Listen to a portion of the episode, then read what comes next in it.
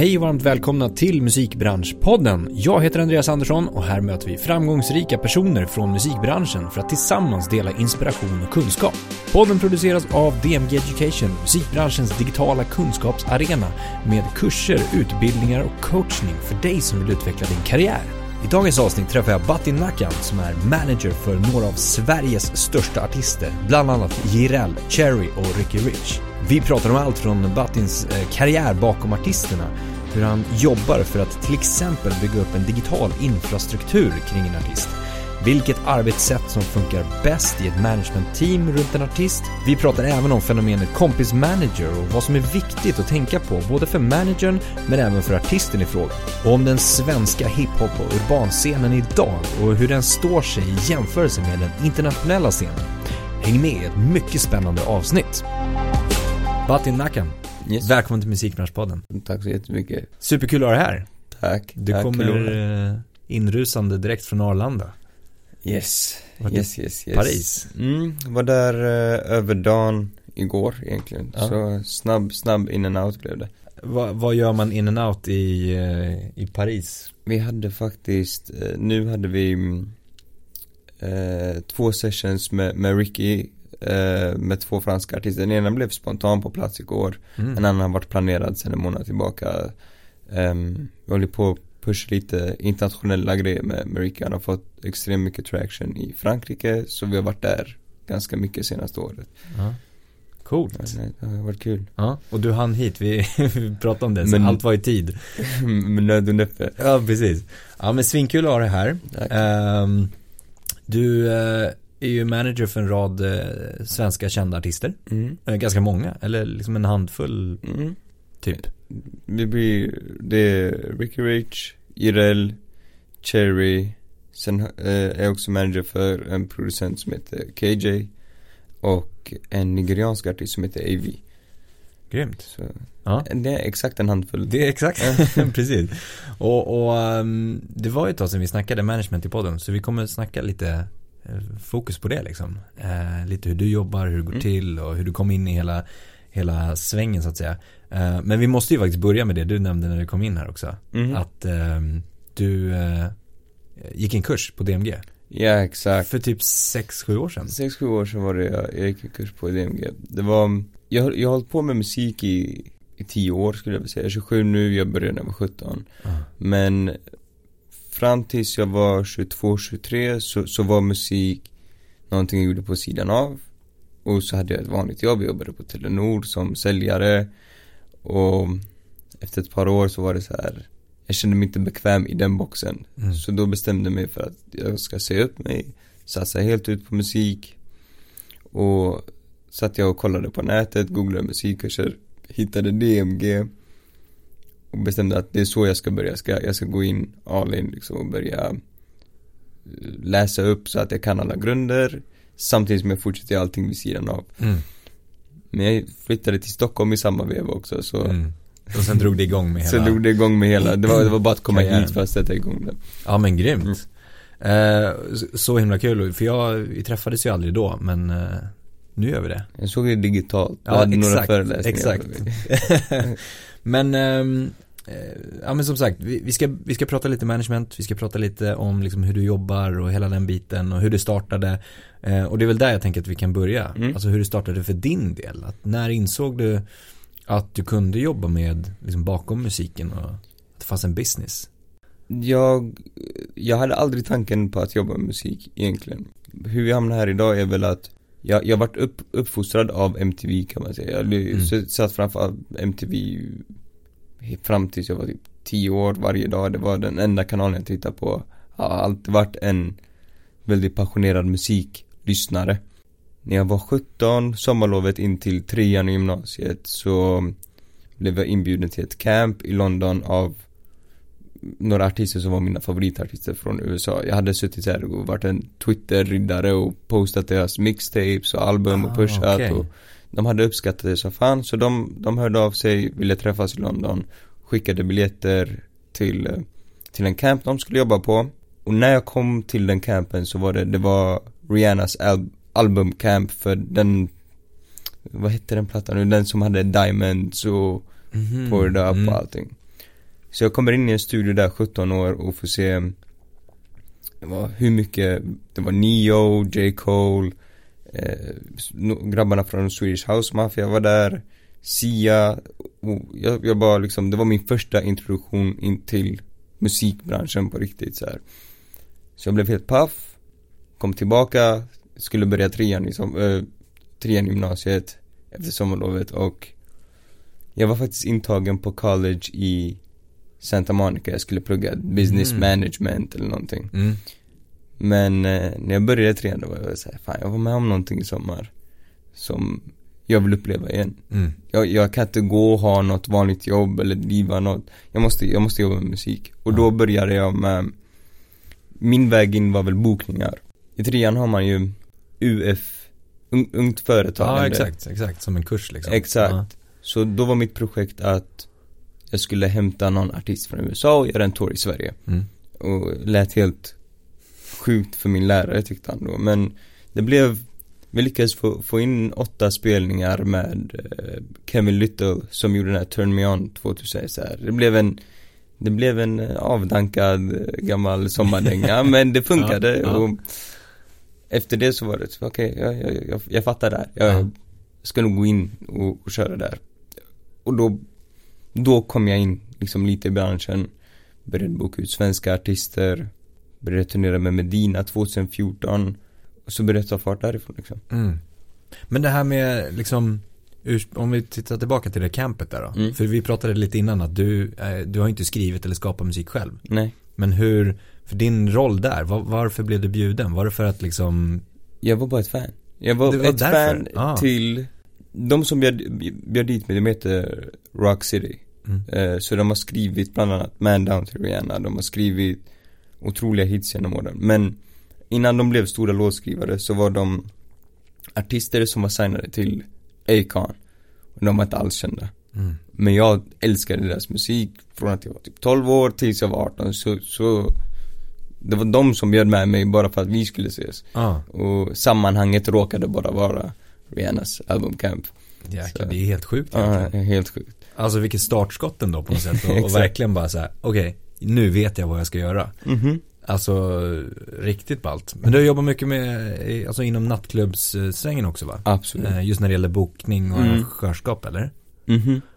Jag, jag arrangerade mycket de första åren och jag såg, det, det, det jag hade en funktion att fylla det var väl egentligen med eh, svensk hiphop.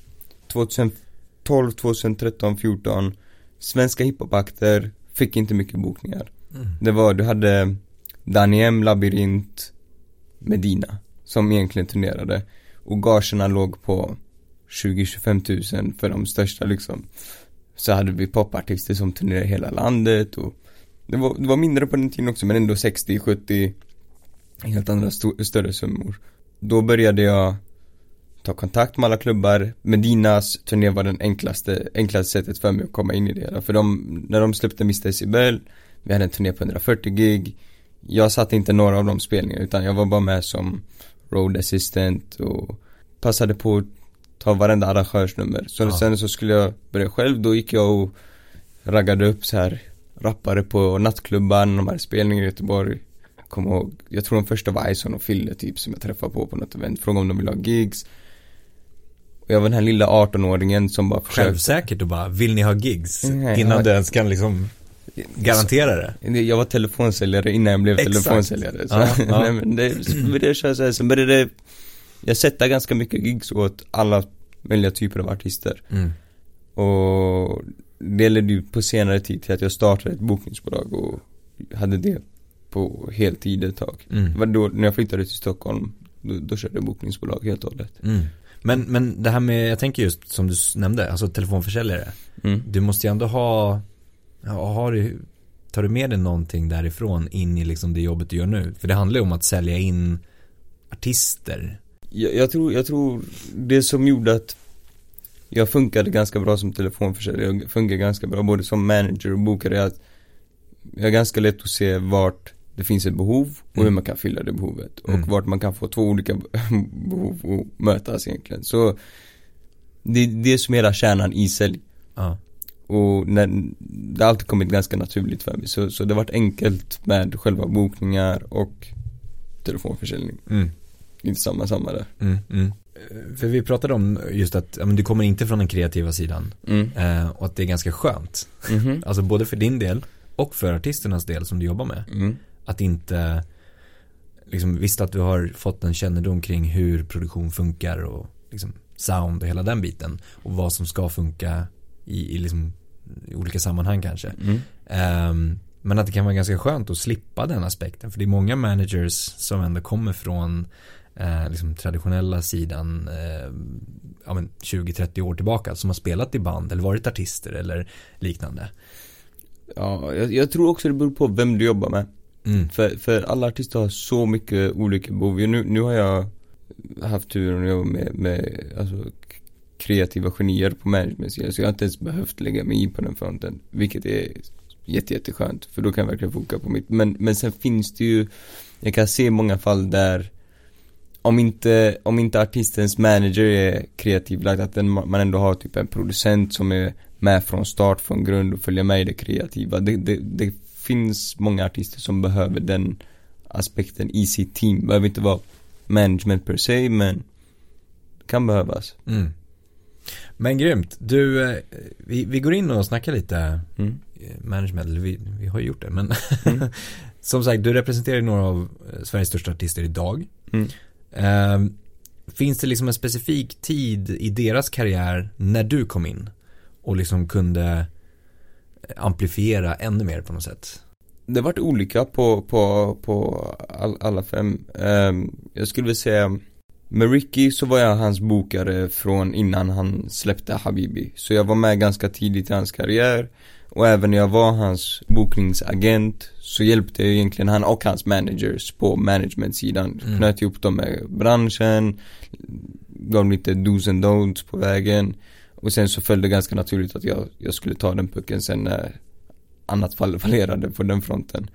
Eh, Jireel var det väl Enligt Jireel var det att han ville ta det till nästa nivå, han behövde nytt blod, ny, ny spirit, han hade ju ett management innan som gjorde ett jättebra jobb med honom också.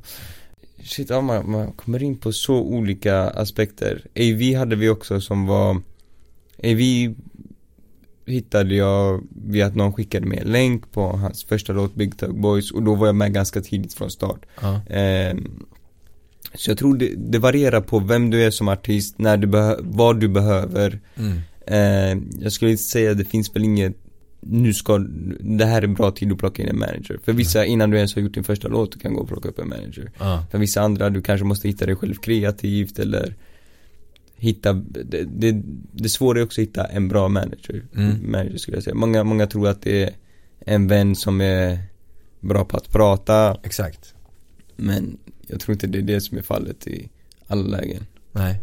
Men eh, jag tänkte på det här med, som du sa, att eh, du kan komma in i en artists eh, liksom karriär i, in, i, vid olika tidpunkter. mm. Det måste ju vara lite olika för dig då att okej, nu tar vi oss an det här artistprojektet som är från scratch. Alltså hur du jobbar då, tänker jag. Vart, Absolut. Vart, vart börjar du till exempel med en sån artist när ni börjar, ja men innan lansering kanske? Från scratch så skulle jag väl säga det, det, det första som, som vi gör är att sätta en jäkla massa sessions. Ja. Det börjar i studion, det börjar med musiken. Så sätta artisten i bra kreativa sammanhang, olika producenter, olika writers, verkligen hitta det som blir artistens nisch. Det som får artisten att låta som sin egen artist.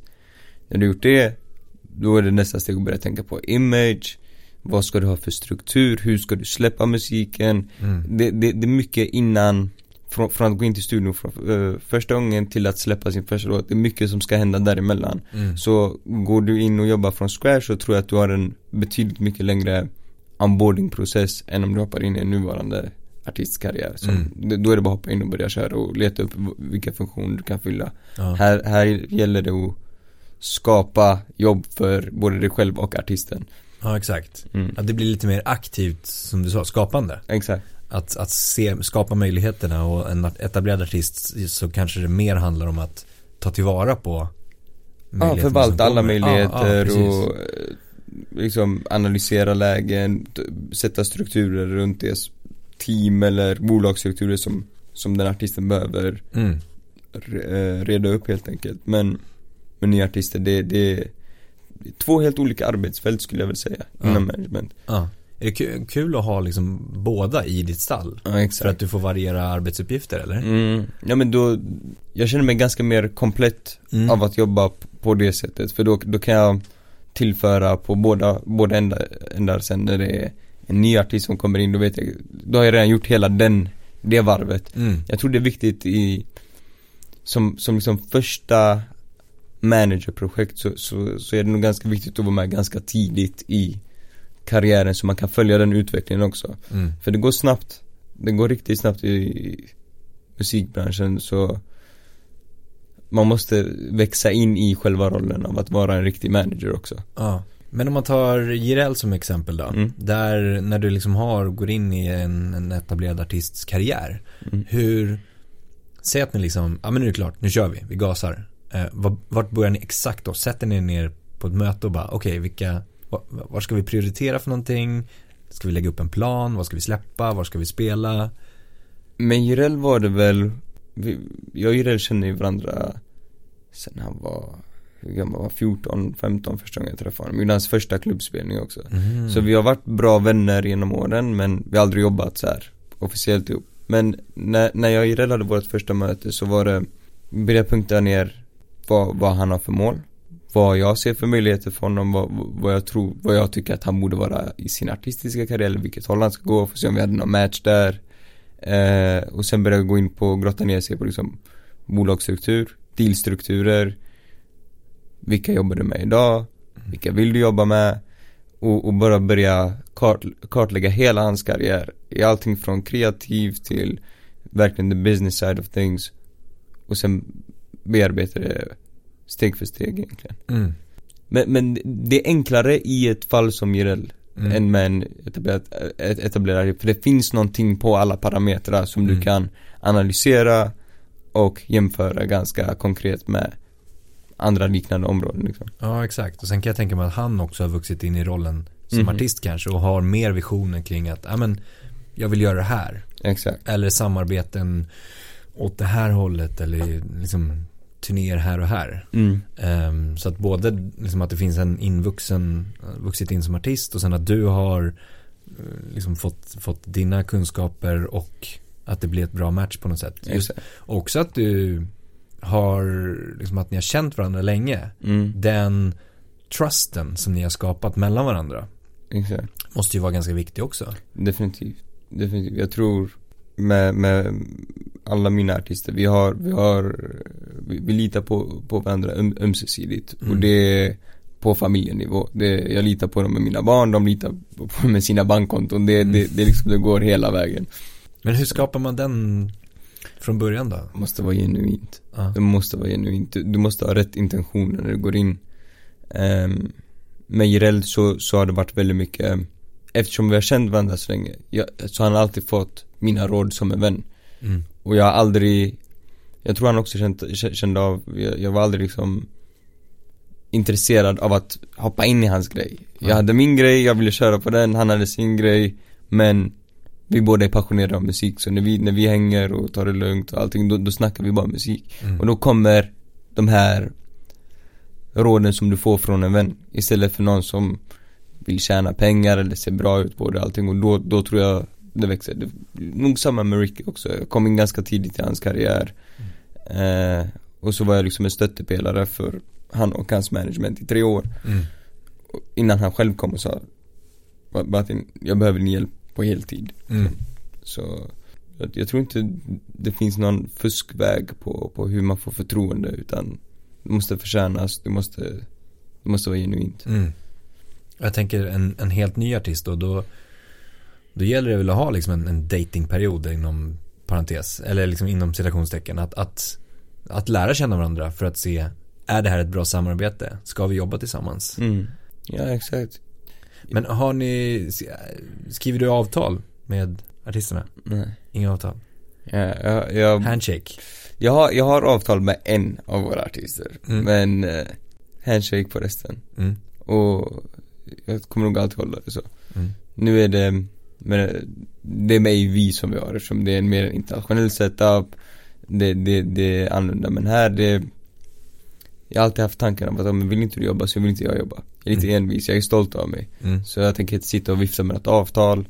Jag vill inte jag vill, jag vill aldrig göra det med, med pengar. Har vi kommit överens om någonting, är inte du rak med mig så, så finns det ingenting. Så det finns bara raka röster och då behövs det inget avtal. Det är ganska enkelt egentligen när det kommer till management. Du har en procent och det är den procenten som gäller. Mm. Det, det behöver inte vara så komplicerat.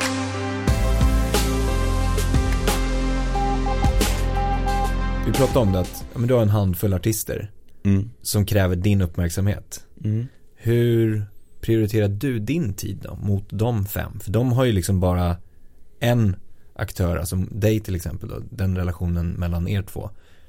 Men sen har ju du fyra till. Jag tror också det kommer mycket i, i management först för att det ska gå att, hantera tidsmässigt. Som du säger, alla, alla behöver konstant attention och, och hjälp i sina karriärer. Så då handlar det först och främst om att lita på folk eh, och börja bygga teams kring artisterna. Runt alla artister vi jobbar med idag så är deras teams byggda på personer vi har sett i deras omgivning som, som fyller en funktion utan att de har tänkt, det finns de här vännerna som, som avlastar en manager utan att man, man tänker på det och det, för oss har det varit mycket att lokalisera det så att dra ner på onödiga arbetslösa så kan det vara, vara där allihopa egentligen. Mm. Där det drabbas i tid skulle jag väl säga är mitt privatliv. Jag har inget privatliv alls. Nej. Inget familjeliv, vilket är ganska jobbigt med en liten tvååring hemma men det är där det drabbas Mm. egentligen. Mm. Så Men kan det vara att, att fyra av artisterna drar i dig samtidigt också? Och så måste du lösa saker eller, eller handlar det om beroende på vad ni har för projekt igång liksom också? Nej, ibland kan det bli ganska mycket på en och samma gång. Men, men där skulle vi säga vår, vår största tillgång är våra, våra team. Är Mm. För i vårt management, det är jag, jag har en partner som heter Shivan och jag har en till partner som heter Arian. Eh, där vi alla liksom uppfyller en managementroll för alla de här artisterna med olika fokusområden. Vi har Shivan som är mer fokuserad idag på brand partnerships. Jag har Arian som är mer eh, fokuserad på att koordinera allting med live och jag är mer fokuserad på att liksom det kreativa, allt med ja, eh, inte, inte vara inne i en studio okay, men sätta upp sessionsen med rätt folk, sätta upp dealstrukturer eh, jag tar in olika videopartners och jag, jag är mycket fokuserad på den biten Mm. men det kan bli, det kan bli mycket i perioder men då, då handlar det om att kunna fördela saker rätt Planera upp det, ha lite framförhållning Mm. och, och våga be om hjälp Ja. Folk är väldigt dåliga på att be om, om hjälp skulle jag vilja säga. Det är mycket Jag har sett många artist-manager-förhållanden brista på grund av att en manager inte frågar om hjälpen som är där. Mm. Det, det brukar alltid finnas jättenära till hans också. Och då brister ju alltihop. Alltså då Mm. kan det ju vara så att du inte hinner göra ditt jobb eller kan ha möjlighet eller orkar och så går ju du ut på artisten Exakt. och möjligheterna där. Det, det är en eh, naiv, naiv stolthet skulle jag säga ibland Ja. från managers. Det finns ett ego Både på, på samma sätt som man brukar säga att det finns egon hos olika artister, det finns egon hos managers, och, managers också. Ja. Eh, de har, det, det är många managers som känner att en deal måste komma från mig. Mm. Jag måste ha fiskat upp den här dealen, eller jag måste ha satt den här sessionen. Artisten måste veta att det är jag som har fixat den här grejen. När det Mm. egentligen handlar om vad, får, vad finns det som gynnar artisten? Mm. Skitsamma vilket håll det kommer ifrån. Hjälper det artisten, hjälper det inte artisten? Mm. Jag tror det är där det väger egentligen. Men hur behåller du fokuset då själv? Alltså, och, och liksom prioriterar i allt det här? Jag, jag, tar, jag tar mycket hjälp av digital struktur. Du gör det? Ja. Väldigt mycket Mm. digitalt. Jag har olika projekthanteringsprogram um, strukturerar liksom allting i cloud så det finns tillgängligt för alla i teamet så att det är enkelt att fördela något jobb till någon. Mm. Ehm, kalendrar som är synkade med hela teams. Mycket, mycket struktur hjälper. Mm. Det här blivit pannkaka av allting om du inte Man måste hitta sin egen struktur. Har man Har man inte jobbat i major och kommer direkt in på På management eller på, liknande, då jämför med de jobb haft. Har jobbat som säljare, du vet det finns CRM-system, du gör loggar per, per kund och allting. Hur kan du, vilka system kan du implementera i ditt management? Mm. Det är för mycket uppgifter på fem artister att du ska, Exakt. du ska kunna sitta med en note eller försöka komma ihåg det. Du måste strukturera upp det, Mm. olika program. Så jag tror det hjälper väldigt mycket. Det är olika mailklienter, kalendrar, projektledningsverktyg och, Mm. och bara se till att allting synkar rent digitalt. Allihopa. Precis. Vad, har du några exempel på eh, verktyg som du använder? Typ projekt... eh, Jag använder ett program som heter ClickUp. Mm. Um, ClickUp är ett program du kan göra olika listor. Så en lista kan heta Jireel, en kan heta Ricky, en kan heta Cherry. Och så bjuder du in de specifika personer som ska vara i specifik lista. Mm. Kan ha olika statusar på to-dos, aktiva tasks, PR, gigs. Och bara fylla på, lägga deadlines och också assigna vissa tasks till specifika personer. Så de får en notis i telefonen, mailet. Du slipper ju alla de här extra samtalen. Kan du fixa det här imorgon? Kan du göra så? Kan du göra så? Mm. Du har ett program som sköter allting, påminner dig när du glömmer saker. Och då kan du liksom lägga in eh, uppgifter för artisterna. Ja, Och, och då har ni redan uttalat innan att så här, men det här använder du och liksom har typ pushnotis på det eller liknande. exakt. Ja. Så vi sätter upp hela, det, det är någonting vi gör ganska tidigt. Så fort vi jobbar med artist, då sätter vi upp hela deras digitala struktur. Mm. Eh, och, och det viktigaste är ju att göra på ett sätt där artisterna inte är Det är väldigt, väldigt viktigt att en artist inte ska vara besvärad av business-sidan av Nej, musiken. Exakt. Så du använder sådana verktyg bara för att artisten ska enkelt kunna ta upp sin telefon och se vad den behöver göra för dagen när det finns en deadline och hur mycket tid han har. Mm. Men inte så här, sitta och ringa ner en artist eller smsa. Låt dem ta det i sitt eget tempo liksom. Och Mm. hitta, hittar du den grunden från start, då blir det ganska enkelt. Mm. Har ni avstämningar, typ så här vecko eller månadsavstämningar att, ja men okej, framåt gäller det här. Alltså, vi har sagt att vi ska ha avstämningar. men sen är vi på så jäkla mycket språng så att det görs på, på vi, vi är ju med varandra hela tiden. Ja. Ehm, det som är nice med, med vårt team är att även om alla är sina egna individer och e- egna entreprenörer och artister så jobbar vi allihopa som ett team. Så, också för, för mig som manager så är det underbart att se när de också gör det här med att de lägger undan sina egon. Jag har sett eh, Jireel ställa upp på att köra Ricky till en spelning, liksom, han har hoppat in som en chaufför. Mm. Eh, bara för, för, för teamets bästa och när, när det funkar på det sättet i, ett, i en större uppsättning, det är då magi händer. Mm. Verkligen. Så våra avstämningar jag skulle säga är, är på språng, det är rullande hela tiden, de, de, de händer bara. Ja. Hörs du med artisterna varje dag? Varje dag. Varje dag? Varje dag. Alla fem? Ja. alla Mer fall. eller mindre? Ja, nej, var, jag, varje dag ja. Ja, det är så. Om det inte är att någon, någon ska på något bröllop eller Ja. eller så, men annars, till och med då brukar vi höra. Ja. det låter som en stor, liksom, som du säger, liksom den här vänskapen och liksom familjeteamet på något Mm. sätt. Att liksom, man hjälper varandra också. Exakt. Eh, grymt, verkligen. Vi pratade lite grann om det här med, med eh, att många kanske börjar, om du inte har kommit till en viss nivå som artist, att du börjar att höra av dig till en kompis. Eller en Mm. kompis som alltid har varit där, som är duktig på att snacka eller sälja eller har liten koll på musikbranschen sådär att man, ja men kan inte du hjälpa mig liksom. Mm, en kompis manager. exakt. Vad, vad tycker du om den liksom Jag- strukturen? Jag tycker att, är du, är du en ny artist, det, det, det är svårt att veta vad du behöver från en manager. Ja, när du inte exakt. har kommit in i branschen. Du vet inte, vad, vad ska min manager kunna? Eller hur ska han agera? Eller vad, vad ska jag göra? Men, ta det första ordet, kompis. Håll det där. Ja, Du kan vara min kompis tills vi ser att det blir en business och då kan vi känna efter. Ska du vara min manager? Du, du kan ha första ring på den här grejen. Mm. För att hjälpa mig. Men, du behöver inte sätta en titel så snabbt. Det är en onödig, en manager är egentligen en onödig funktion om inte det är manager som hittar dig i det första stadiet. mm. Då är det en helt annan för mig. Men om du börjar som artist Du behöver inte leta efter en manager först. Fokusera på ditt kreativa. Behöver du hjälp med någonting? Har du en vän? Fråga din vän. Mm. Håll, håll det så egentligen. Mm.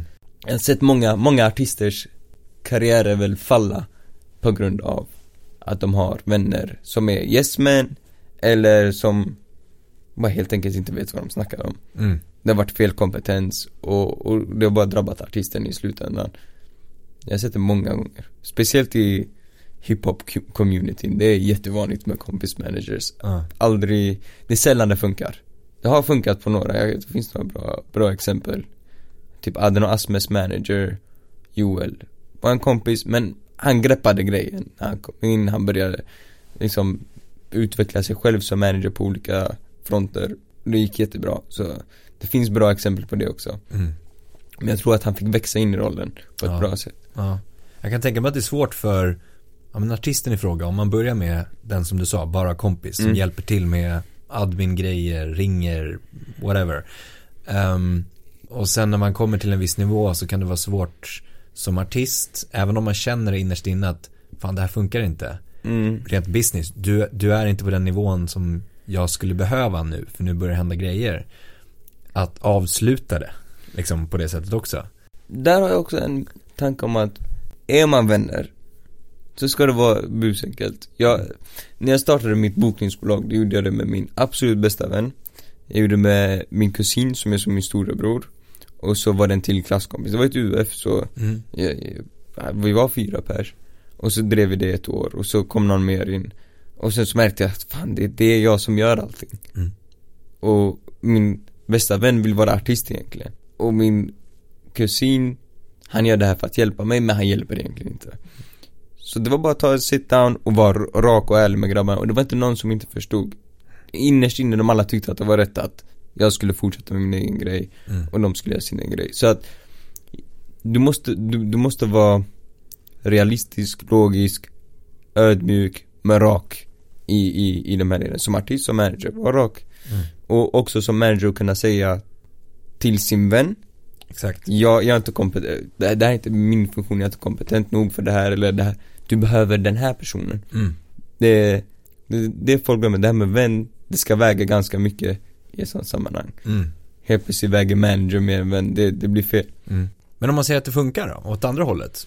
vad skulle du säga att, att man som liksom kompismanager ska fokusera på? Lära sig till exempel. Om man är, man är superdriven och vill ta det vidare till nästa nivå. Då, då är det, då ska jag säga att det är att utbilda, utbilda sig snabbt. Om, om din väns karriär börjar flyga, det börjar gå bra Du måste hänga med i svängarna. Så om det är att du springer och raggar upp andra managers på dates och liksom Mm. går, och, går och bara suger ut information eller hittar någon mentor i något skivbolag eller Du måste stå på dina egna ben. Du kan inte vara beroende av din artist för att utvecklas. Mm. Du måste utvecklas på din egen front. Helt enkelt. Och vad, vad behöver man kunna då, rent liksom Såklart behöver du kunna extremt mycket olika saker. Men liksom lite generellt sett i början, vad, vad, vad bör man ha koll på då? Du bör ha koll på din artists vision och också förutsättningarna av olika partners ni jobbar med, hur du ska möta dem, hur du ska kunna, det det är svårt att sätta ord på det men, men du ska ju kunna liksom det, det sämsta du kan ha som artist är en yes man, som manager. Någon som säger ja till allting. Men du kan inte heller ha någon som säger nej utan att ge din analys av varför det kommer ett nej. Mm. Så när en artist kommer och säger jag vill göra det här eller det kommer en viss möjlighet Om du som manager är oerfaren med det, ta hjälp Ring någon, fråga någon Jag skulle säga i musikbranschen, det som är ganska nice är Det finns en ganska bra gemenskap Folk är inte rädda för att dela med sig av sina erfarenheter eller kunskap Och är du inne i svängarna så, så går det ganska snabbt från att du känner en annan manager tills du känner 20 andra managers Det går, det går Exakt. Sve- Sverige är litet, Mm. så ta hjälp, ta Mm. hjälp och när du vå- Våga säga jag vet inte Mm. Det är också en sån jättekonstig för- förväntning som finns på managers är att de ska kunna allt från första dagen fast att de aldrig har jobbat Mm. med något skivbolag någon bokningsbolag eller si eller så. Jag har hjälpt hur många som helst som har suttit och sagt nej men det här är ingen bra deal. Och det är den första dealen de riktiga dealen de någonsin har sett på ett papper. Det, ta bort den här stoltheten, vad är bäst för din artist? Det är Mm. att du lär dig Mm. och ger honom rätt analys, rätt bild av saker och ting. Mm. Ja men skitbra, just det här med Jag vet inte, Mm, men jag kan ta reda på det exakt. Alltså den, den, det drivet och den liksom inställningen till det Väger ju mycket tyngre än att säga eh, Jag tror att det är så här, vi kör på det Mm, mm. Jo men jag tror det, man brukar se de, de största managersen i, i världen och Sverige är oftast kännetecknade för sina nätverk. Mm. Det är det som är nog den mest viktiga egenskapen som manager. Att bygga ett nätverk, för det är från ditt nätverk du lär dig. Det är med ditt nätverk du vä- växer. Mm. Och det har ju du haft hjälp av ända sedan 17. Exakt. Alltså att, att börja ditt nätverk, det är liksom, vad sa vi, 10 år? Ja, tio år. Tio år har man har lärt känna alla i branschen. Ja. Så defin, definitivt nätverket skulle jag vilja säga än idag är min det, det är med mitt största värde som manager. Mm. Att jag kan, jag Behöver jag ta mig på orörd mark så vet jag någon som har varit på den marken i alla fall och man kan fråga och ta den vägen. Jag tror till och med när man kollar på på internationell nivå så är det ju också Jag ser det hela tiden, folk, folk frågar varandra saker Ja. det, det, känner du han eller hur gör du det här? Hur, hur kom du in på det här programmet? Vem kopplar ihop det med det här? Du vet, folk frågar varandra, tar information av varandra Utdelar information, det, är det, det är så vi managers växer och jag tror att också bygga sig en, en ett eget, en egen community av managers Jobba Mm. ihop med andra managers, ni behöver inte tjäna pengar på samma saker eller ha delad ekonomi eller delade projekt Men ni kan Look out for each other liksom. Mm, Då växer mm. båda två ganska snabbt liksom. Mm. Ja men exakt, hjälpa varandra liksom. Mm. Jag tänker på din, eh, vi pratade om det, liksom nätverk, din kunskap, att bygga den liksom på något sätt. Men du, du bygger ju även ett brand hos dig själv. Mm. Alltså ditt egna varumärke på något sätt som manager. Mm. Är det något som du tänker på i ditt arbete? Ja och nej. Ehm, på olika sätt för med artisterna så vill jag faktiskt inte Jag vill inte synas som Jirels manager, jag vill inte synas som Rickys manager, jag vill inte, alltså utåt sett att publik ska veta vem jag är För att, eller vad mitt managementbolag heter, för mig är det viktiga är eh, Ricky Rich AB, Moti AB, hur bygger vi de här bolagen, hur syns artisterna mest? Mm.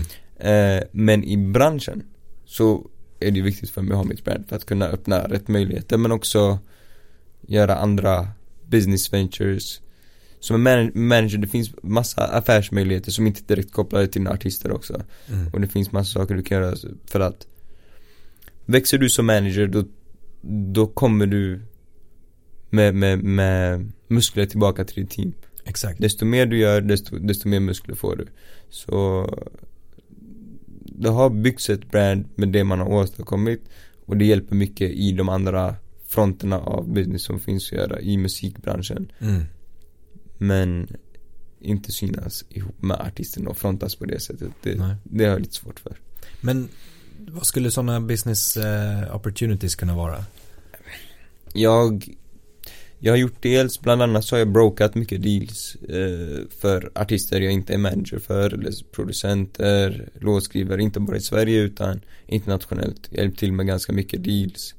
Eh, men sen så, så jobbar jag på jag vill inte, vi har inte satt det som ett officiellt projekt men det har väl blivit ett projekt de senaste två åren. Det är jag och så är det Bello på Warner som, som driver ihop. Det är väl egentligen att koppla ihop urbana marknader i hela Europa med varandra. Eh, olika producenter, artister, eh, skivbolagsmänniskor. Bara sätta ihop vår community så att den kan växa. För vi ser liksom hiphop och urban musik har alltid, alltid varit lite underdog Mm. i, i uh, musikvärlden. Men det har också växt på grund av att det har hänt så mycket organiskt. Det har varit organiska collabs genom alla åren uh, och fansen, allting har bara växt organiskt och blivit idag en av mm, jag tror den största genren idag. Så vi har ju sett så här de två senaste åren att USA är inte riktigt the focus point längre. Artister exploderar i Frankrike, Italien, UK, Tyskland och det här är våra direkta närområde. Mm. Och hur kan, hur kan vi få det där att växa? Så det är en av anledningarna vi har rest så jäkla mycket, gjort massa collabs mellan svenska och internationella artister. Varit en hel del om, om bara kolla på Warners Asylum-gren så har det varit extremt mycket och det leder, det tar tillbaka till hela svenska musikscenen. Folk får ögon för den svenska rap, rap-scenen, det gynnar hela hela genren. Mm. Så det har, det har varit ett av de projekten vi jobbar mycket på. Mm. Men sen så, jag själv, jag gillar tech. Så jag kollar på olika tech-lösningar inom musikbranschen. Jag ska säga, vi, vi, vi ju, musik är ju för att vara så techbaserade så är, vi, så är vi långt efter i våra digitala lösningar när man arbetar med musik. Mm. Både eh, som, som manager, skivbolagsrepresentant. Systemen är för gamla, för stora och, och det, det är en passion jag har. Jag vill, jag vill effektivisera den digitala världen av musikbranschen. Mm. Så jag är mycket inne på det digitala. Eh, jag gillar att göra events, boka artister till Sverige. Det, jag, har- jag har kvar en passion från bokningssidan. Men Mm. nu är det med, jag vill, jag vill hämta franska artister, tyska artister, UK-artister till Sverige. Göra olika typer av tours eller shower eller enstaka nedslag. Och bara koppla ihop, samma, sammankoppla allting man lär sig att göra. Göra en affärsmodell av det. Inte nog med att du har fem artister som kräver din tid och uppmärksamhet utan du har de här projekten Mm. vid sidan om också. Mm.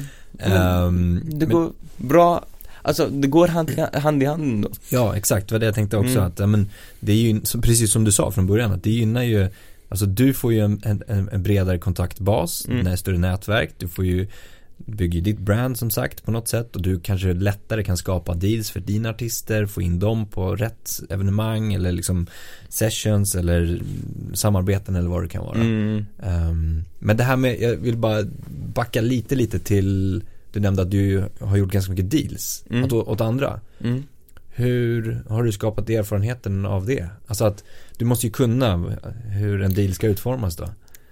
Jag vet faktiskt jag, jag, det är också, det, är- det är väl nätverk skulle jag vilja säga. Ja. Jag har känt så mycket folk genom åren. Så och varit väldigt nära väldigt många olika artister. När jag, när jag hade till exempel mitt bokningsbolag A Cappella. Det var, jag hade 22 hiphopartister under tiden hiphop exploderade. Så jag var med i så många så, så, så många så här dealvändor och allting så jag har sett extremt många avtal Lärt mig mycket från det eh, Och sen bara sugit in information också Där också kunnat, kunnat Fråga folk som har varit i branschen tidigare, okej men hur ser din deal ut? Vad ska jag tänka på? Mm. Det, det, är bara en informationsinsamling som har gjort att man Man börjar fatta grejen Mm. Eh, Men man ska inte heller vara rädd och liksom På egen hand Ta reda på att du inte ser en deal det, Ett avtal är Runt 15, 16, 17 sidor idag Om du ska gå in på eh, En major deal I vanliga fall eh, Och Det folk snackar om är fortfarande Royalty-procent Hur många år eller låtar du har signat och om du äger master eller inte. Det är de tre punkterna, men det finns 15-16 sidor till av saker. Gå och sök upp de där orden, vad betyder de? Hur tänker ett label? Vad är businessen? Vad genererar en stream? Det, ser du helheten av det så blir det ganska enkelt att veta vad du kan få Mm. och vad du ska trycka på. Mm. Det där är ju som vi pratade om förut, att utbilda sig själv då, som, Mm. som kompismanager till exempel. Att inte lära sig det bara teoretiskt att avtalsstrukturer kan se ut så här. Utan utsätta dig för eller ta del av verkliga avtal på något sätt. Exakt. Eh, och det kanske kan låta svårt att, men vart hittar jag dem någonstans? Men återigen, då handlar det om att börja med artisterna, Mm. att skapa samarbeten, bygga nätverket, hitta deals, testa på, eh, få liksom olika avtalsförslag från alla olika delar av branschen. Som du sa, live, skivbolag, förlag, Mm. eh, samarbeten, vad det nu kan vara. Nu, nu när du sa, la upp det på det sättet, jag tänker faktiskt på när jag började med bokningar. Mm. När jag hämtade Kevin, jag hade ingen aning hur ett bokningsavtal såg ut. Nej. När någon frågade mig Ja men kan du skicka rider, jag satt på och googlade rider och försökte fatta vad det var för någonting. Så mitt sätt att ta reda på hur jag skulle göra det var att jag, jag, jag kontaktade en, ett bokningsbolag i Tyskland som heter Showcase PR. Kontaktade dem, låtsades som att jag ville boka en artist, fick dem att skicka en bokningsavtal och rider och sen satt jag och översatte hela grejen till svenska och så Skitsmart. så jag men det, det går, det är internet idag, allt, det finns information till, Så bara tänk outside the box så, så kan du få den informationen du eftersöker Mm.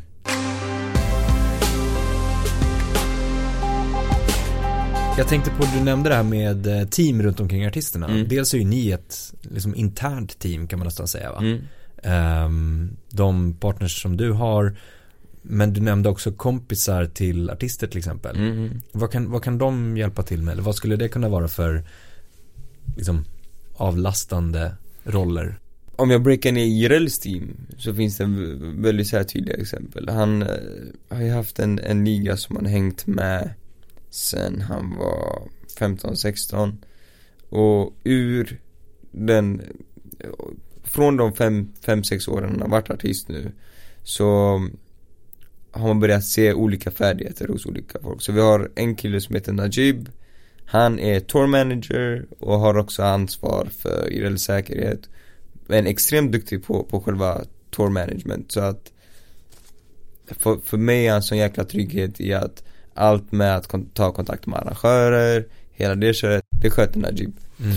Sen har vi Ibbe som var artist förut, en artistkollega till Jireel som sen hoppade in och liksom det är Jireels bästa, bästa vän. Men han vill så gärna se Jireel vinna så han har aldrig satt en roll på sig själv. Utan han har varit en vän som, som stödjer honom. Men från ett managementperspektiv, förutom att han är, har en officiell titel som, som DJ, så är han den som är närmast i hand till, till Jireel och lätt att få tag på eh, väldigt hjälpsam i alla typer av eh, lägen. Om det är allt ifrån att åka och hämta upp en outfit till någon musikvideo eller att åka med Jireel till en studio för att ha, alltså allt. Ibbe kan du kasta lite allt möjligt på så jag tror där är det också så, som manager och artist att säga okej okay, men vad finns det för, för styrkor, styrkor hos den här personen Hur kan vi embracea det och göra det till en roll Mm. Ehm, Så Ibbe faktiskt nu kommer ju gå in lite mer på, på, på själva förlagsfronten runt Jireel. Vi håller på att starta upp ett eget förlag Mm. eh, under Jireel och Ibbe som jag nämnde är artist, han har ett väldigt bra kreativt öra Han är väldigt strukturerad, jag skulle säga en perfekt projektledare också eh, Och där har vi hittat en roll som, som vi vet kommer passa honom och får artisten och våra team att växa Mm. jag, jag kan inte hantera ett helt förlag själv längre, det är Nej. fem artister, det går inte så. Ja men grymt. Mm. Och, och, och sen så har man ju utomstående samarbeten och aktörer. Det kan vara allt från majorbolag till exempel eller Ja men ska man släppa något eget så är det distributörer och sådana saker. Mhm. Hur, hur ser kanske en sån, vilka, vilka aktörer liksom har du kontakten med då? Jag skulle säga allihopa Mm. Ja, eh, alltså om vi, om vi snackar major bokningsbolag Mm. Så jag har Idag, i dagsläget är väl ganska mycket signat på, nästan allting signat på Asylum med, eh, med Bello Warner Mm. Men jag har haft olika setups med Sony Jag har gjort olika deals med Universal ehm, Hjälper till på A36 live-del, han är signad på Luger Våra tre är på United Stage, så vi är lite överallt Har Sony ATV och Universal Publishing som förlag Med fem olika artister, det blir, det blir många olika partners Ja, stor struktur att hålla Mm. koll på också. mm. Det är därför vår interna st- struktur börjar väga mycket i det Mm. hela Mm. det, det måste finnas Det låter ju som liksom när du pratar om det här interna teamet liksom eller interna strukturen så liksom finns det ju inga regler att vi ska jobba på det här sättet eller Mm. den rollen gör det, ditten och datten liksom. mm. Ehm, om man tittar på den traditionella branschen hur den har sett ut sedan ja, men årtionden tillbaka så har liksom en manager har alltid gjort det, en bokare har gjort det. Ganska tydliga tårtbitar Mm. av så här, men du håller inom ditt område och gör det du ska göra. Mm. Det känns som att det de senaste kanske 20 åren, 10-20 åren ändå har ändrats både internt i liksom team ehm, men också bolagsstrukturer. Att, men ett bolag ska inte bara jobba med inspelning utan man kan göra inspelning, förlag, branddealar, Mm. management. Liksom, man kan välja lite vad man, vad man vill göra. Och samma sak då med att det speglar samma sak i liksom, teamen runt omkring artisterna. Mm, mm, mm. Jag tror jag läste någonstans eh, att du inspireras av Entourage också. Ja, v- väldigt mycket. Är det så? Väldigt, väldigt mycket. För det låter lite så när man, när man, när man hör liksom teamstrukturen att, alltså om man har sett Entourage så förstår man också eh, liksom kopplingen där på något sätt. Ja, Men det var väl det, när jag, när jag såg Entourage, då var det där Att göra någonting man älskar med folk man älskar Exakt. Det var det som, som var drömmen Mm. och, jag, och jag skulle säga det är därför också jag är så stolt över våra team För Ja. att vi, vi, vi tycker om varandra, vi, vi, vi litar på varandra, vi, vi har roligt tillsammans Skit i alla pengar, det där är det viktigaste av allting Mm. Att vi har kul, att vi Mm. mår bra i oss själva liksom Om man tittar så här, men du, som du säger, du har jobbat ett tag nu ändå liksom Mm. i, i, i branschen och sådär. Om man tittar bara på managementbiten, vad är liksom den absolut viktigaste lärdomen för dig? Jag skulle nog lägga det på att faktiskt att, att, att lära sig och lyssna. Jag, jag tror det, det verkligen när, när jag började med management så, så hade jag också den här Jag måste visa att jag kan, jag måste visa att jag Jag, jag bestämmer på något sätt. Exakt. det, du vet, det misstolkas oftast eh, en, en, en managementroll, de tror att de är liksom chefen för bolaget eller liknande istället för att säga okej men vad har jag för, för, för roll och funktion? Det jag har lärt mig är att våga lyssna, prata, vara, vara självkritisk. Det är absolut det, det viktigaste lärdom jag får som manager. För att om inte jag inser det, jag kan drabba en hel människas karriär och Ja. liv helt och hållet. Bara på grund av att jag är envis eller stolt eller whatever. Och det, det, det är så många artister tyvärr Där hela deras karriär har fallerat på grund av att de har en för stolt manager. Mm. En som inte kan säga Jag kan inte det här, jag vet inte det här. Jag behöver ta reda på det här. Du vet, Ja, ja. Det, det är små magiska ord som, som får hela hjulet att snurra Mm. Ja men precis den bilden som du målar Mm. upp att det är en, så här, den traditionella managementrollen att det, den ska kunna allt som Mm. du sa från, från början också vara den som tjatar, den som driver på och den som bara liksom ska köra som bulldozer på något sätt Exakt och få igenom sina viljor hela tiden mm. och, och liksom vara den som då pratar istället för att som du sa lyssna, ta in andra aspekter och utvärdera, analysera vad ser vi för möjligheter, vad ser vi för samarbeten, vad ser vi för liksom värde i båda parterna när man ska skapa en deal kanske. Mm. Jag tror många glömmer också att det är artisten som är det viktigaste. Ja, Artisten, precis. artistens vilja, även om artisten väljer fel, Mm. så ska du i alla fall veta att okej, som manager har jag gjort allt jag kan för att ge, ge rätt råd till artisten i det här beslutet. Om artisten fortfarande går fel väg, det är hans karriär, hans beslut. Ta det steget tillbaka, våga, våga låta det ske. Mm. Det, det är många som, som missar på, på just den fronten. Mm. Det, de glömmer att det är artisten som, som, som är i fokus. Det är artisten som ska Artistens vilja som spelar absolut mest roll. Det är Mm. artisten som bestämmer. Du, jag tänker så här, vi ska bara, mm, vi snackar lite om, om, eller vi har pratat lite grann om hiphop och urbanscenen. Mm. Eh, och du nämnde att du har ju, eller ja, du har ju uppenbarligen stenkoll på den svenska branschen och, och, och scenen. Hur kontra liksom den ser ut i, i internationell miljö. Du nämnde Frankrike, liksom USA kanske inte är the go-to place varje gång. Nej. Hur, hur, hur skulle du säga att ja, men den internationella, det är svårt att, att liksom labla den också såklart eftersom det är olika marknader internationellt. Men liksom kontra den svenska, hur, hur långt fram befinner sig de olika liksom scenerna? Jag, jag skulle säga, förr Spolar vi tillbaka tid, eh, bara Fyra, fem år tillbaka i tiden så, så, så var svensk hiphop i sound, vi var, kvalitet av sound, vi låg efter Vi var, jag brukar säga fyra, fem år efter USA. Det som var hett i USA blev hett fem år senare i Sverige. Eh, Men med hela liksom Spotify och Instagram och dig- digitaliseringen av hela industrin Information flödar mycket snabbare, det är mer tillgängligt Det är enklare att släppa musik Det släpps mycket mer musik idag än vad det gjorde för 5-6 år sedan. Alltså per, per dag det släpps otroligt stora mängder musik.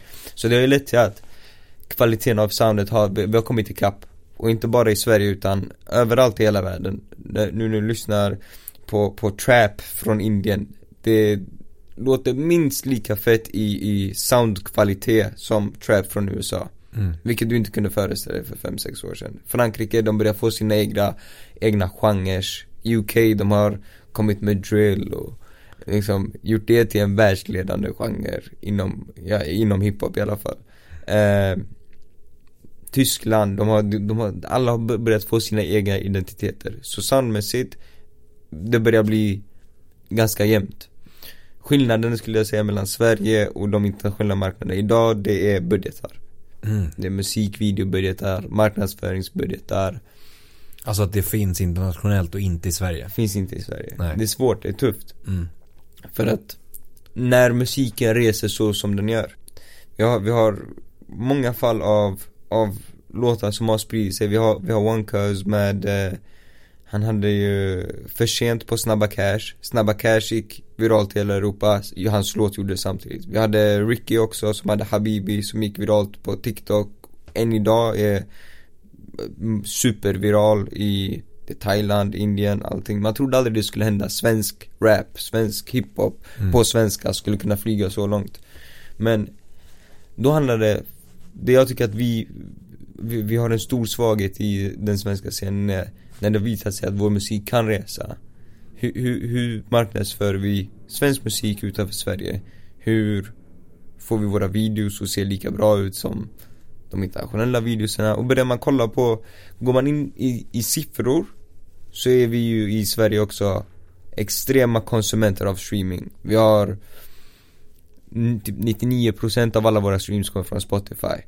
Jag vet inte hur många av dem som är premium men det är betydligt högre än i alla andra länder. Mm. Hur mycket premiumanvändare vi har. Och sen kollar vi på siffrorna för att vara ett land med 10 miljoner invånare, att ha, ha en svag som gör 100 miljoner streams på, på ett år. Du har en, samma gamla vanliga mat som gör närmare 60 miljoner under ett år. Det, det ska finnas budgetar, det finns en ekonomi det som, som fun- funkar, de- funkar i de andra länderna som borde funka här också. Ja. Men vi tänker smått. Mm. Vi, vi, vi, fastän att vi har facit hand, vi tror inte på att vår grej ska gå utomlands, vi tror på tur. Mm. Men det är inte tur. Jag, jag brukar dra det som exempel när det kommer till internationell musik som, som reser. Eh, du tillbaks tiden 13 år, 14 år. Ingen skulle någonsin kunna tro att fransk musik skulle, fransk hiphop skulle bli så stort att du har en fransk artist som Gim som gör låtar med French Montana, Lil Wayne, Sting, Maluma.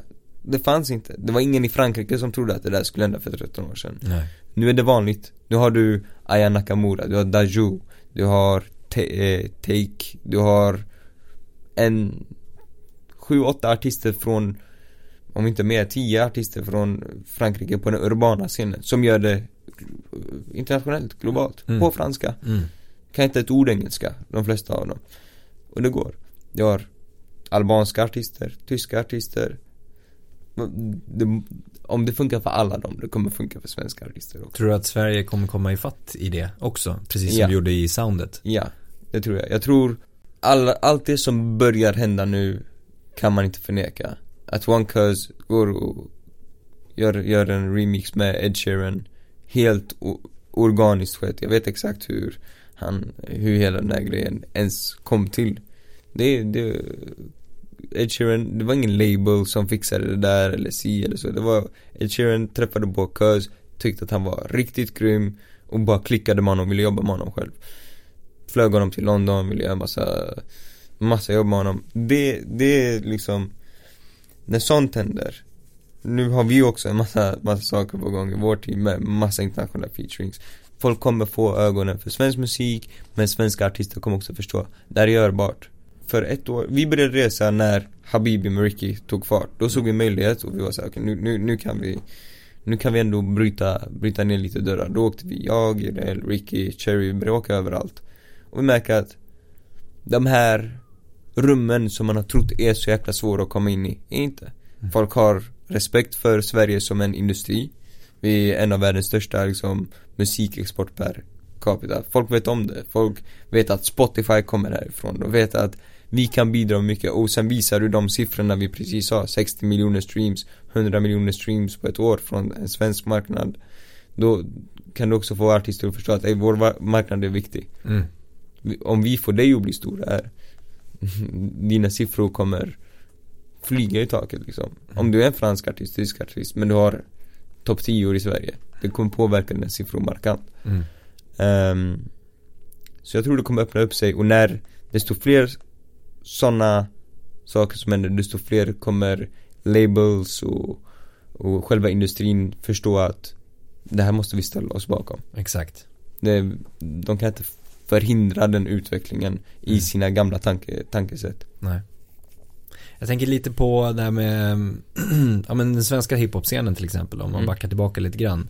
Ehm, bara för att liksom ta tillbaka det där också. Ehm, liksom den, den, det finns ju en liten problematik kring hur media också målar upp liksom gatuvåld och hela den biten, gängkriminalitet kring, liksom och kopplar ihop det med, med genren. Mm. Ehm, och hur det kan liksom påverka arbetet med artister i den genren tänker jag.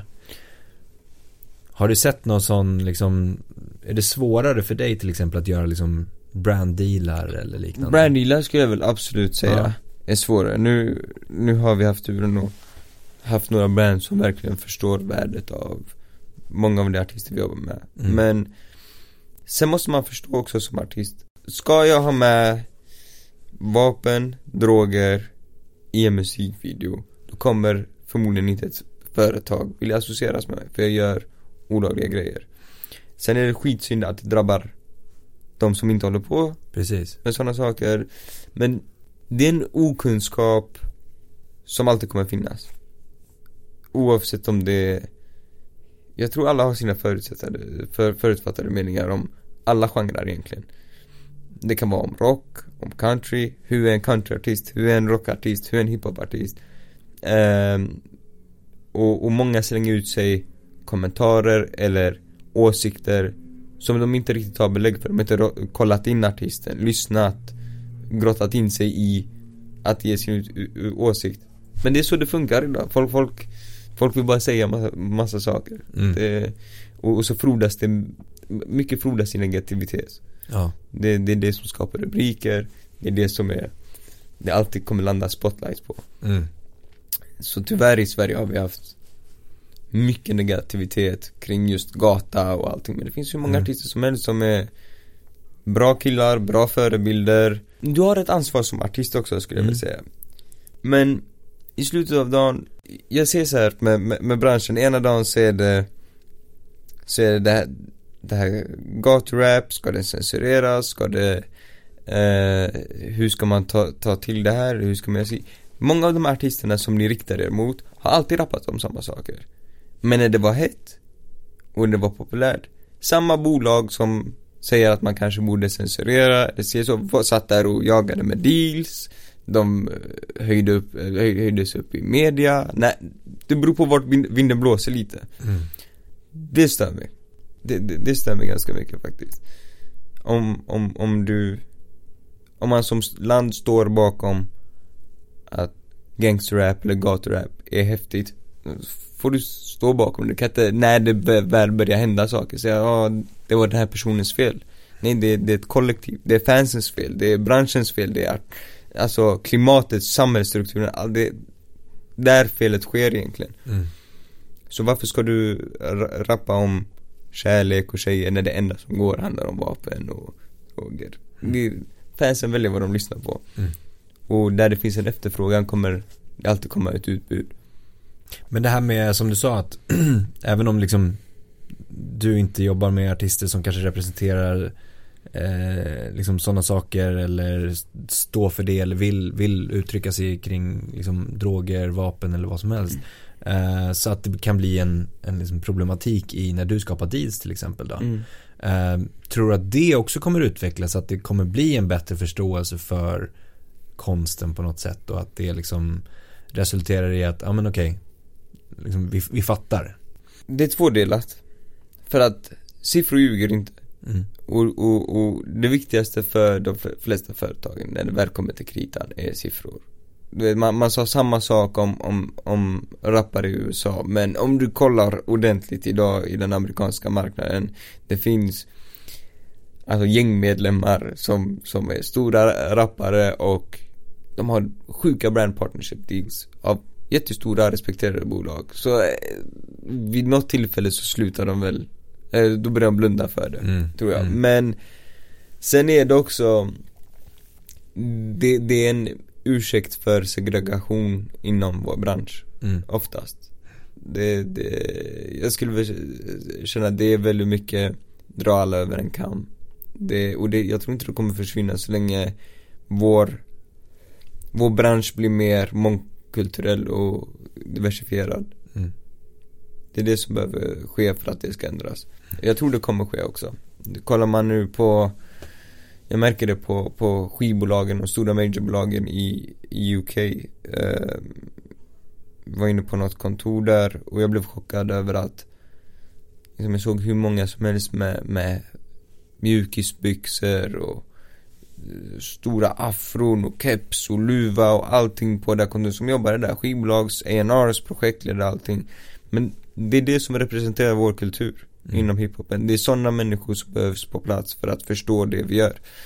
Jag, jag förväntar mig inte att en, ja men, du vet, Lotta 45 som bara lyssnar på Håkan Hellström förstår att Nej men Jireel är inte en gaturappare Hon har bara rap Mm. Jag förstår det, jag, jag fattar Men Vår bransch måste diversifieras för att det ska bli en sån förändring Mm. Du, vi, vi har ju hört att du gör massa, massa, massa olika saker nu mm. Att du inte har en fritid. Eh, hur, hur håller du dig motiverad då? Hur liksom hittar du drivet? Att varje dag, nästa, nästa. Jag tror Det är självklart olika för allihopa hur man Hur man hittar motivation och hur man Fortsätter hålla igång För mig, jag, jag har bara en Jag har mina drömmar Jag har mina mål som jag ska ha uppnått inom fem år eller tre år och två år. Och jag får panik varje dag jag inte har nått dem. Jag, Det kan gå, jag kan ha en vecka som har varit helt otrolig där vi har gjort featurings, vi har rest, vi har satt något stort businessmöte och så lägger jag mig i sängen på kvällen och så eh, känner jag liksom, jag får, jag får nästan ångest över att det inte går fort nog. Mm. Så eh, i mitt fall, jag tror det är en kombination av ADHD och extremt mycket vilja som gör att jag håller igång faktiskt. Mm. Det kan inte bli en negativ spiral där med målen då? Jag älskar ju målsättningar. Men, men att, att det här saken som att du sätter upp det men att det blir en negativ effekt av att du inte når det. Att du tänker på det hela tiden. Jag har lärt mig med åren, när jag, när jag var, när jag var 17, 18, 19, 20 och körde den här branschen. Varje gång jag fick en motgång eller jag, jag har förlorat pengar hur många gånger som helst, stora summor pengar, blivit av, blivit blåst. Det har hänt eh, massa saker. Eh, tiden jag fick en motgång, det blev så här, fan jag måste ta en paus Mm. från musiken och bara lära mig lite mer och sen komma tillbaka. Och det tog mycket på mig förut. Och nu ska jag väl säga i vuxen, mer vuxen ålder, jag ska säga det Det som blivit min styrka är att om det blir en motgång jag suger in det, jag lär mig på en dag istället av vad som gick fel. Och sätter upp ett nytt mål och kör vidare. Det Jag tror det, det, det, det, det viktiga är det stora hela. Och jag försöker också intala mig själv att Om jag dör fattig Utan någonting Som en hemlös på gatan Men jag vet att jag gjorde allt. Jag gjorde allting för att nå, nå min dröm. Och jag gjorde det på mitt sätt. Så kommer jag, jag kommer vara lycklig. Det är allt som spelar roll för mig. Jag, jag vill göra det på mitt sätt och jag vill Du vet jag Ibland musik kan vara, den här branschen kan vara stressig. Det kan vara en hel dag som går av att bara tjafsa och skrika och allt möjligt. Det, det, det, det tänder till ibland, det slår gnistor ibland, det inte går inte som man vill. I slutet av dagen, jag jobbar med det jag älskar. Mm. Jag har en sån passion för musik och jag är så lyckligt lottad att kunna jobba med musik så Det är det som håller igång mig. Grymt. Martin, stort tack för supertrevligt samtal. Tack själv Vad kul att få komma hit Jättestort tack för att du har lyssnat på podden idag. Det uppskattas verkligen. Kom ihåg att följa, stjärnmarkera, gilla, dela, kommentera för att hjälpa till att sprida kunskapen i musikbranschen. Vi vill också jättegärna höra från dig. Vilka utmaningar står du inför? Vad tycker du är svårt? Vad tycker du är lätt? Vad vill du höra? Vad vill du veta? Vad vill du lära dig? Hör av dig till oss på info at dmgeducation.se. Tack för idag och ha en fortsatt härlig dag.